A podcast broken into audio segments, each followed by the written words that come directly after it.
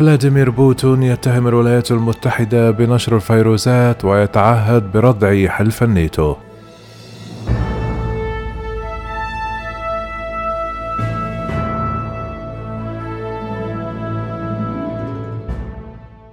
دعا الرئيس الروسي فلاديمير بوتين الاثنين خلال اجتماع معاهدة الأمن الجماعي إلى إيلاء اهتمام كبير للأمن البيولوجي محذرا من أن الولايات المتحدة تسعى لنشر الفيروسات لزعزعة الوضع في دول الاتحاد السوفيتي السابق.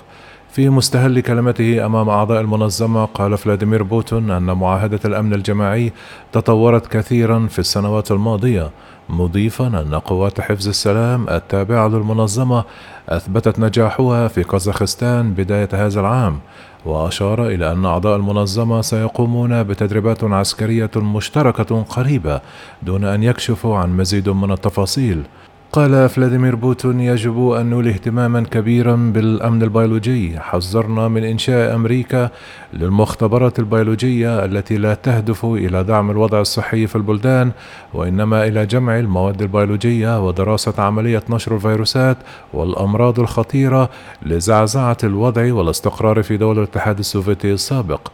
تابع بوتين من الضروري التنسيق والتوافق بشأن السياسة الخارجية لدول هذه المنظمة وإيجاد النهج المشترك للقضية الدولية.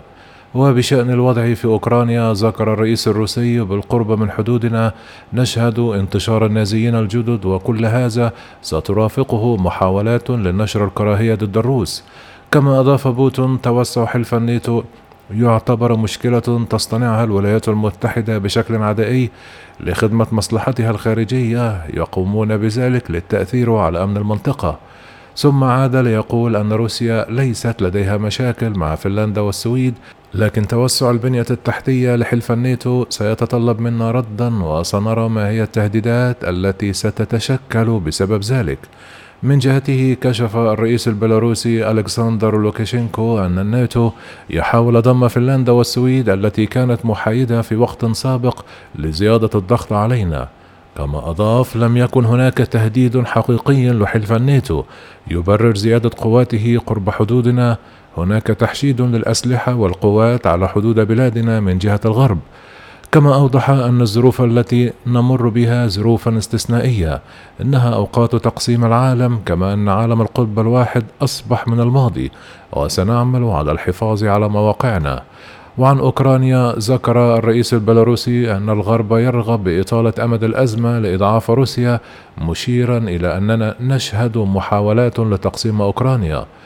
شدد رئيس كازاخستان قاسم جومارت التوكييف على ضرورة أخذ جميع التهديدات التي تحيط بنا على محمل الجد لضمان الأمن في الجبهات الجنوبية الآسيوية. كما أضاف يجب أن نستمر في تطوير قدراتنا العسكرية وأعتقد أن هذا الأمر سيقوي منظمتنا. خلال الاجتماع نفسه أبدأ رئيس قزاخستان صدير جابروف تشاؤمه بشأن الأجندة العالمية والإقليمية قائلا إنها لا تبعث على التفاؤل. كما تابع أن الأحداث العالمية تؤكد أهمية قراراتنا لضمان الأمن الجماعي لمنظمتنا. كما أشار إلى أن هناك تهديدات عديدة تحيط بالدول الأعضاء لهذه المعاهدة وأن هناك محاولات للتدخل في شؤوننا أن الأوان لكبح هذا الخطر.